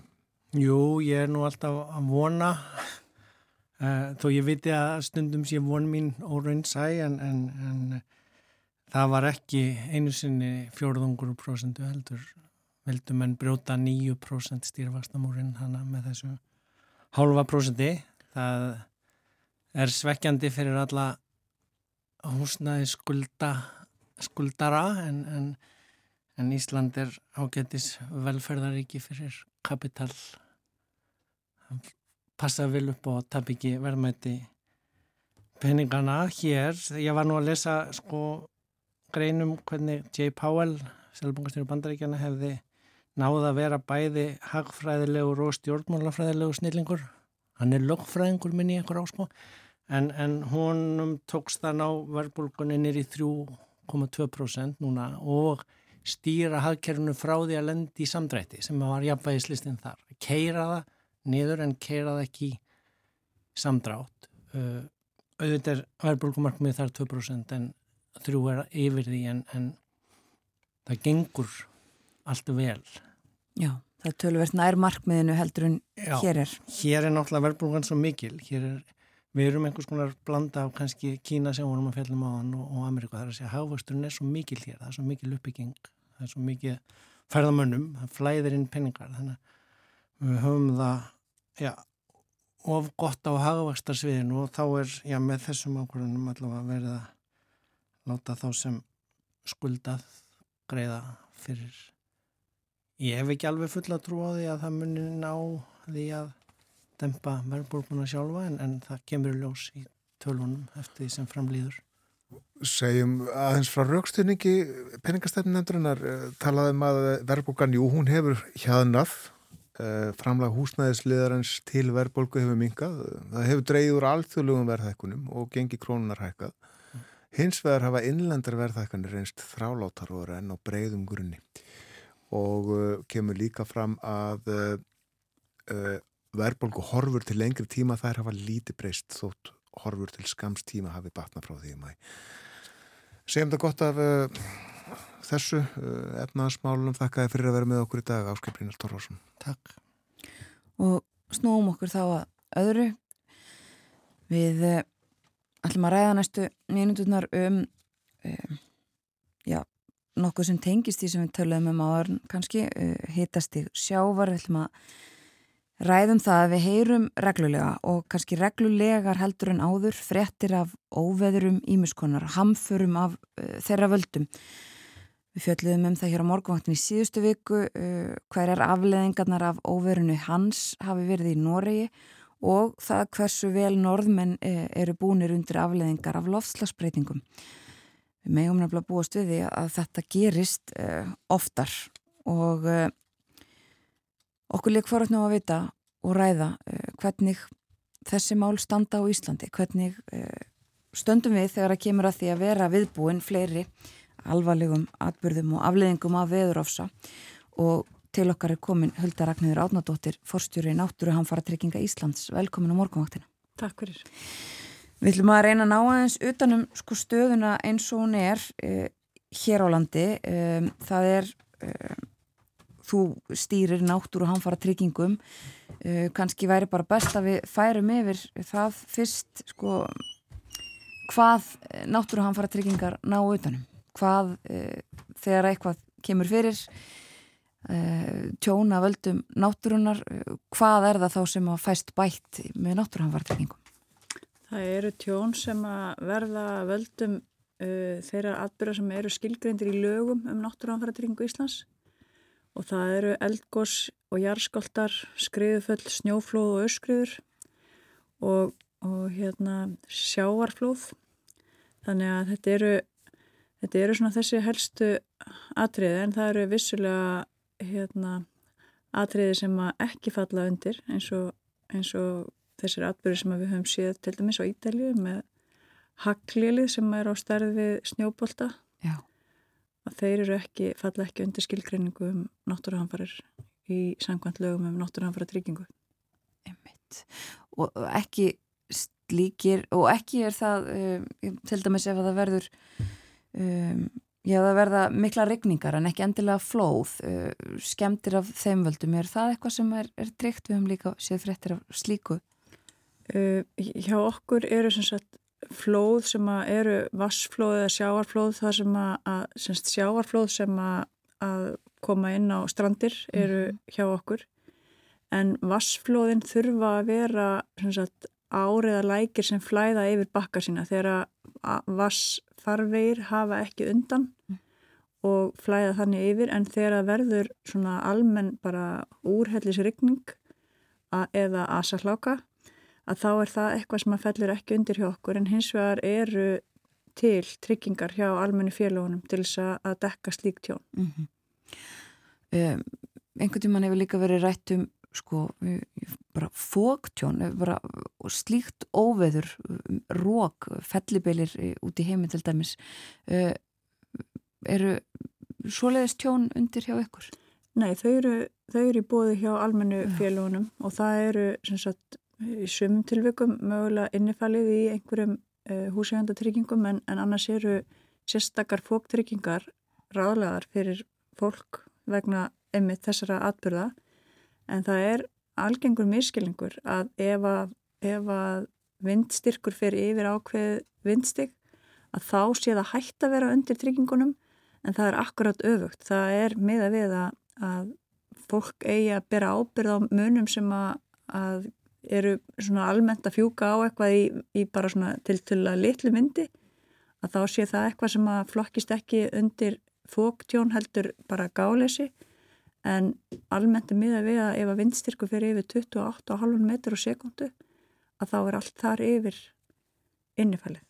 Já, þannig að við byrjum ábyrð á því já, auðvitað okkar munum að einhverju leiti og eigum. Við þurfum að passa en, að ganga vel frá já. hlutum bara eins og tjá, hérna, útilegu dótiða og svölum og svo framvegis að, að það er ekki, ekki á ábyrð en til að tryggingafélagana ef að, ef að það fer af stað í, í minniháttar roki. Nei.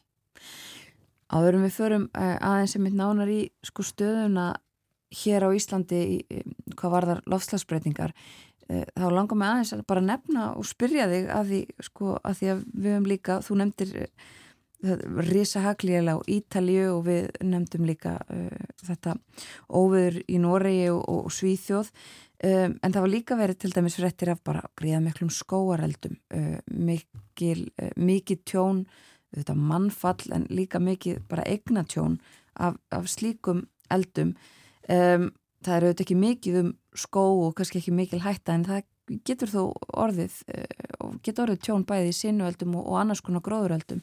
Er það eitthvað sem að uh, fellur undir náttúru hanfaratrygginga? Þetta hefur einmitt verið að breytast á síðustu bara svona áraum og áratugum þessi hætta á Íslandi og Já. það hefur mikið verið rætt um mikilvægi þess að þessi hætta að koma á einhvers konar tryggingu vegna skóarelda uh, eins og þetta er í dag þá er eiginlegt tjón á skóunum sjálfum.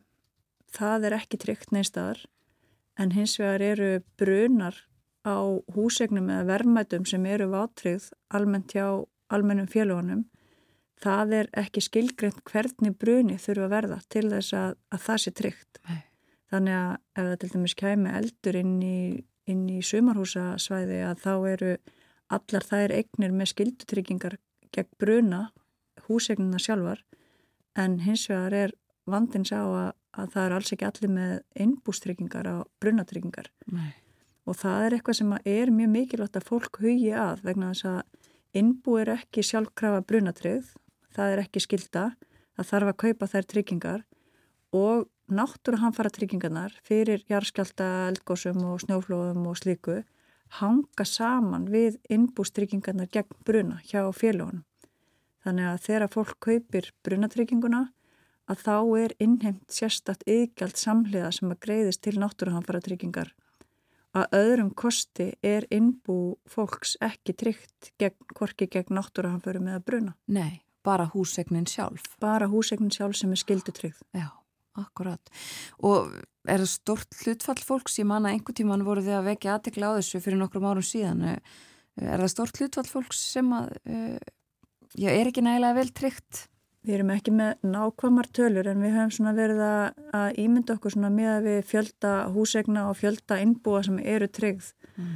að þetta sé einhver staðir í kringum 70% af uh, sagt, húsegnum sem eru án brunatryggingar á innbúum. Já. Nei, afsakið. Það eru þrjá, ég ætla að segja um það byrju 70% sem eru tryggð og um það byrju 30% ótryggð. Ótryggð, já.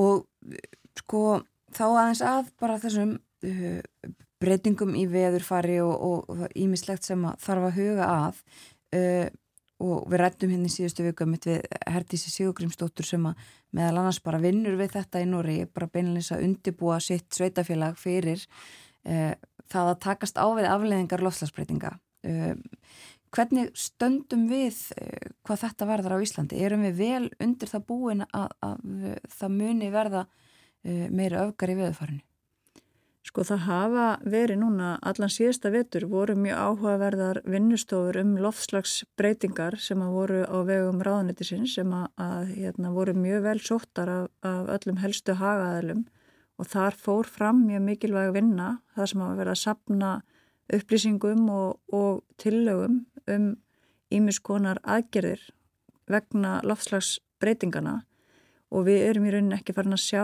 ennþá svona hvaða tillögur munu verða byrtar í framhald af því en við sem að vorum að taka þátt í þessum vinnustofum höfum fengið svona goða samantækt af þessum, þessum vinnustofum og, og ég ger mér vonur um það að það munir svona allavega verða góðir svona leiðavísir fyrir okkur sem samfélag, hvernig við til hvaða aðgerða við þurfum að gripa en, en það þarf auðvitað meira að koma til og það þarf að, það þarf að fara að bretta svolítið upp ermar Já. í þessu. Þannig að það er verið að vinna í þessum málum innan stjórnkerfisins. Já, ég myndi allavega að telja að það sé komin á stað veruleg vinna og ég minna viðstofan hefur auðvitað mjög mikilvægt hlutverk í, í bara upplýsingagjöf og, og kynningu og, og hefur verið að gera goða hluti í því en, en það eru auðvitað það þurfa það þarf að halda þessari vinnu mjög vel áfram til þess að að við verðum ekki eftir mm. hvað þetta varðar. Já, til þess að við verðum ekki eftir, erum við ekki, uh, er þetta ekki eitthvað sem að ætti í raunin að vera búið að, að ráðast í? Það eru kannski bara ríkinni kringum okkur líka uh, á söpuðum stað, bara svona að venjast og læra inn á eitthvað breytta veruleika. Ég held að það sé nú svolítið staðan, að það eru allir svolítið að læra Já. og við sjáum alveg að, að þetta hefur þetta hefur allt saman þarf ákveðin tíma og, og það, þarf, það eru mjög floknir útreikningar sem þurfa til að koma með nýjar vörur á marka í tryggingageranum. Og það er mjög erfitt að selja tryggingar þegar vantar söguleg gögn til að baki á, til að verleggja tryggingarnar. Þannig að þetta er, þetta er ekki einfalt en þetta eru verkefni sem þurfa klárlega að fara fram. Já og sko ef þú er að ráðleggja fólki þú auðvitað og náttúrulega hann fara tryggingar eh, bara ákveðnar og, og, og sangant lögum en, en þú nefndir einmitt áðan sko eh, alls konar veður atbyrðir sem að eh, geta gerst sem að ekki falla undir eða fólk þarf að passa upp og að tryggja sér sjálf er eitthvað svona, eru margar svona tryggingar sem að fólk er ekkit að huga að því að vera með eins og eins og þú nefndir áðan auðvitað bílrúðutryggingarnar náttúrulega erum við með en, en, en það er sér eitthvað annað sem við kannski passum ekki nægilega vel upp á. Ég held að, að allavega fyrir mína parta þá finnst mér mjög mikilvægt að, að vera með þessar fóktryggingar sem að, að verja okkur gegn þessum ofsa hérna, veðrum sem að geta orðið og síðan þessar asaláku og, og úrhellisrygningar sem að geta valdið verulegu tjóni að ég allavega vel að vera með slíkar tryggingar. Þannig ég held að það sé þetta og síðan bara gæta þess að innbúin okkar séu nægilega vel tryggð og þau séu réttilega metin. Ég held að það er mjög algengt held ég að fólk vannmeti virði innbúsinsins vegna þess að það áttar sér ekki á því hvað miljónunnar eru fljótara að sapnast upp yfir árin og áratugina þegar allt sem að þú ert með í húsiniðinu, geimsluniðinu, bílskurnum og barnaherbyggjónum og, og ráftækjaskúfunum og öllu hversu hátt virði þessara egna er ef að við þyrtum raunverulega að kaupa þetta allt nýtt. Þannig að ég held að það sé mjög mikilvægt að fólk átti sér líka á því að það er ekki nóg að kaupa innbústryggingu fyrir 5 miljónir alla jafna. Í, það, þarf að, það þarf bara að fara yfir og það eru orðna mjög góða reiknivelar á heimasíðum vátrygingafélagana sem að hjálpa fólki til þess að meta þetta virði. Og ég held að fólk þurfa að hugsa þetta bæði í svona hlutvalli af auknum aldri, ég held að við þekkjum það sem er svona komin á, á fullorins árin sko að, að eftir því sem að við förum kannski að hafa minna börnum og hafa það aðeins betra flestir eða margir að, að þá eru þau tól og tæki sem við erum með í höndunum alla daga, bara ráftækin og, og allt þetta, þetta sapnast þegar sama kemur og þetta er mjög mikill skaði að, að missa þetta allt á einu bretti. Þannig að mm og það er líka dýrt að undirtryggja sig vegna þess að bætur eru skertar í hlutfalli af undirtryggingu sem þýðir að ef að virði innbúsins þíns er 20 miljónir en þú kaupir bara innbústryggingu fyrir 10 miljónir að þá ferðu ekki 10 miljónir í bætur ef allt innbúið þitt fer heldur ferðu það sem að er í samræmi við það hlutfall sem þú keftir af, af tryggingum þannig að þá getur þú fengið 50% af því, því tjóni sem þú raunverulega verður fyrir þannig að það er ekki hægt að tryggja bara það sem að fer í tjóni heldur þar maður að tryggja það, þau verðmæti sem að liggja undir. Já. Það er að huga ymsu í þessu. Uh, áðurum við uh, látum þessu lokið höldaregnir uh, eh, sko aðeins bara að starfseminni hjá ykkur og náttúruhanfartryggingum hún sveplast auðvitað svolítið og fer eftir því hvað, hvað er að gerast í landinu. Um, sko nú hafa verið jærskjáltarhinur og, og auðvitað eldgóðsreglulega en um, er mikið um, um tjón sem er verið að tilkynna til ykkar svona, og til dæmis það sem aðverð þessu ári? Þessir jærskjáltar sem að auðvitað reykjanissi á þessu ári að þeir eru ekki almennt nægilega miklir til að valda neinu verulegu tjóni. Það, að, það eru mælar hér um allt land sem að mæla hröðun jarðar sem að segja okkur hversu mikil hreyfing er á jarðuna á hverjum stað í tengslum þess að jarðskjálta og þessir mælar er að gefa okkur upp svona undir 2% svona nánast allstaðar sem að nefna kannski bara í allra allra nánasta umhverfi jarðskjáltana og það er, semst, húsin okkar eru hönnuð miða við það að það getur orðið alltaf 10% reyfing mm -hmm. á, á, þingdurhauðan jarðar án þess að það verði tjón á egnum og það miða hönnun allra húsa á Íslandi miðar við það. Þannig að, að það eru það eru lítil sem engin tjón sem að geta orðið í svona litlum skjáltunum auðvitað ef að standa tæft á borðum einhverjar stittur eða slíkt sem að geta fallið niður. En í sagt, fyrir náttúranfara tryggingu þá er þetta að hugsa sem svona hamfara trygging og það er reikna með að, að það sé verið að bæta stóru tjónin þannig að fólk uh, geti haldi áfram eftir tjónsatburð mm -hmm. og þess vegna er eigin áhætta líka mjög há, það er 400.000 krónar eigin áhætta í húsegnum og 200.000 krónar eigin áhætta í, í lausafið sem að endur speklar í rauninni það að Þetta er ekki hugsað eins og almennu tryggingarnar þar sem er verið að bæta lítill tjón, heldur er þetta hugsað sem trygging til að tryggja það að fólk geti í rauninni staðið upp og haldið áfram eftir stóra atbyrði. Já, akkurat. Og það er ekki verið sagt, stórir atbyrðir eh, í einhvern tíma þá? Nei, það er í rauninni, ég held að við getum sagt að, að Eh, snjóflóða og neskupstæði er svona síðusti atbyrju þar sem varð verulegt tjón hjá fólki. Já. Takk fyrir að koma til okkar á morgunvaktina Hulda Ragnæður Átnáttóttir, fórstjóri Náttúru Hanfara Trygginga Íslands.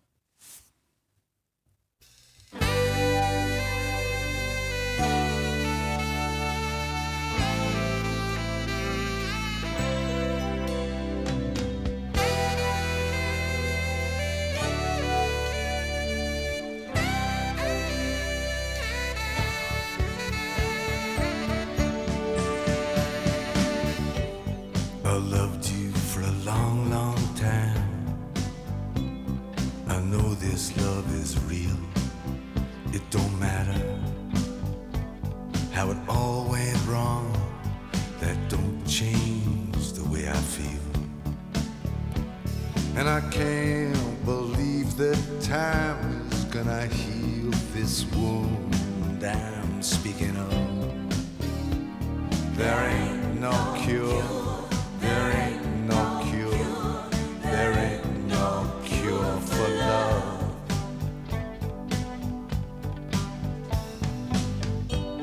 I'm aching for you, baby. I can't pretend I'm not. I need to see you naked in your body and your thought. I got you like a habit, and I'll never get enough. There ain't no cure, there ain't no cure, there ain't no cure for love. There ain't no cure for love.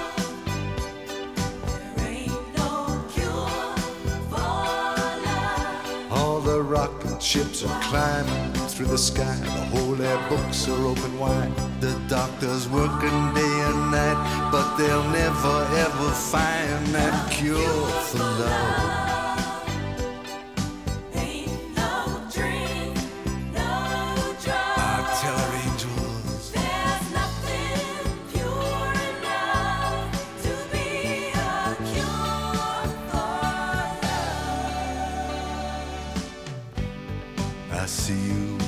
Subway, and I, I see you on the bus.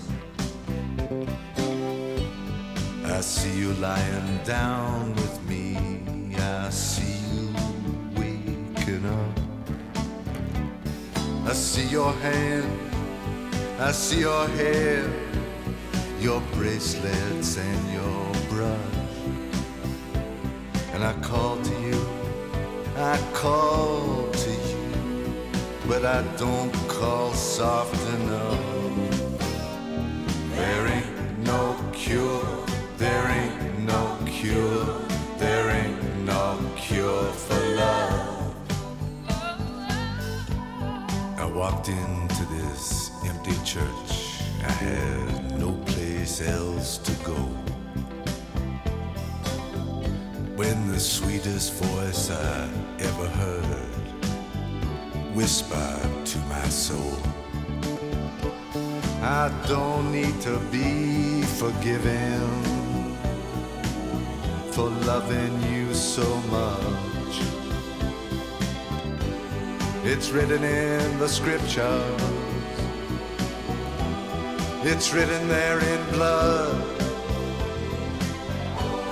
I even heard the angel declare it from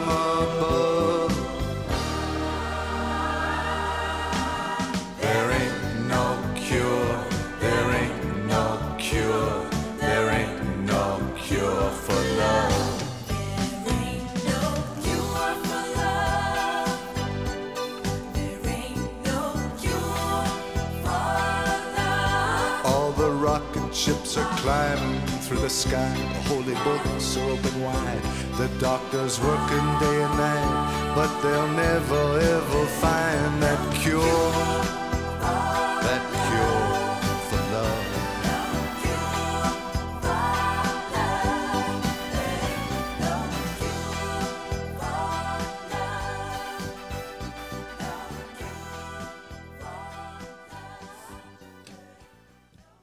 Cohen átti þér síðustu tóna morgumvaktarinnar þennan morgunin. Við látum hér hins vegar síðustu orðin falla með því að kveðja við Björn Þóru Þórun Elisabeth. Já, þakkum samfélgina þennan meðjökudags morgun. Verðum aftur á samastæði fyrramálið. Morgunvaktin býðu góðan dag. Þeirra klukkuna vanda tíu myndir í sjö alla virka daga. Njótiði dagsins. Og verðið sæl.